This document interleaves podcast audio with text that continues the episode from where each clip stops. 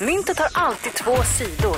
Här kommer fördelar och nackdelar enligt Peter Sandholt. Det handlar ju om osannolika saker, alltså saker osannolikt som händer eller att äga eller att göra och så vidare då. Och idag så ska jag prata med fördelar, om, eh, fördelar och nackdelar med att plötsligt en morgon vakna upp och ha vingar på ryggen. Alltså du har kvar dina armar men du har typ vingar som Och det är inte änglavingar nu utan fungerande, Fungerande vingar. vingar. Ja, som- ja. Fördelar och nackdelar. Då börjar jag med fördelar.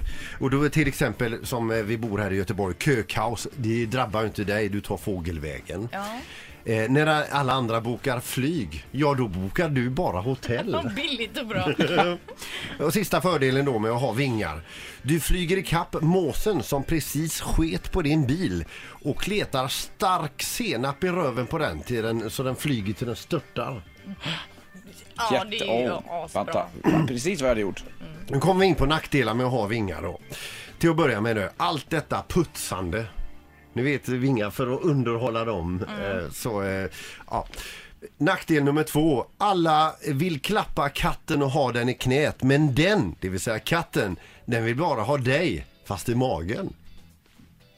Alltså man blir uppäten av katten. Ja! Så bara, ja okej. men, nej, men det är så katten ser det liksom. Som- som Herregud, middag, ja. Vilken stor duva, tänker katten. Ja, det är så katten tänker. Okej. precis. Ja. Mm. Nackdel nummer tre.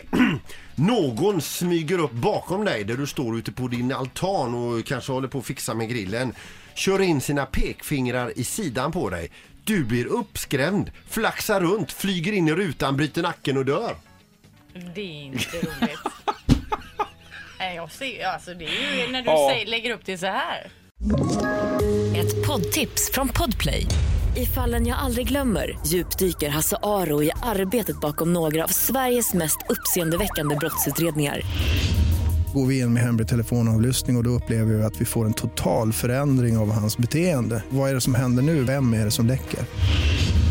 Och så säger han att jag är kriminell, jag har varit kriminell i hela mitt liv men att mörda ett barn, där går min gräns. Nya säsongen av Fallen jag aldrig glömmer på Podplay.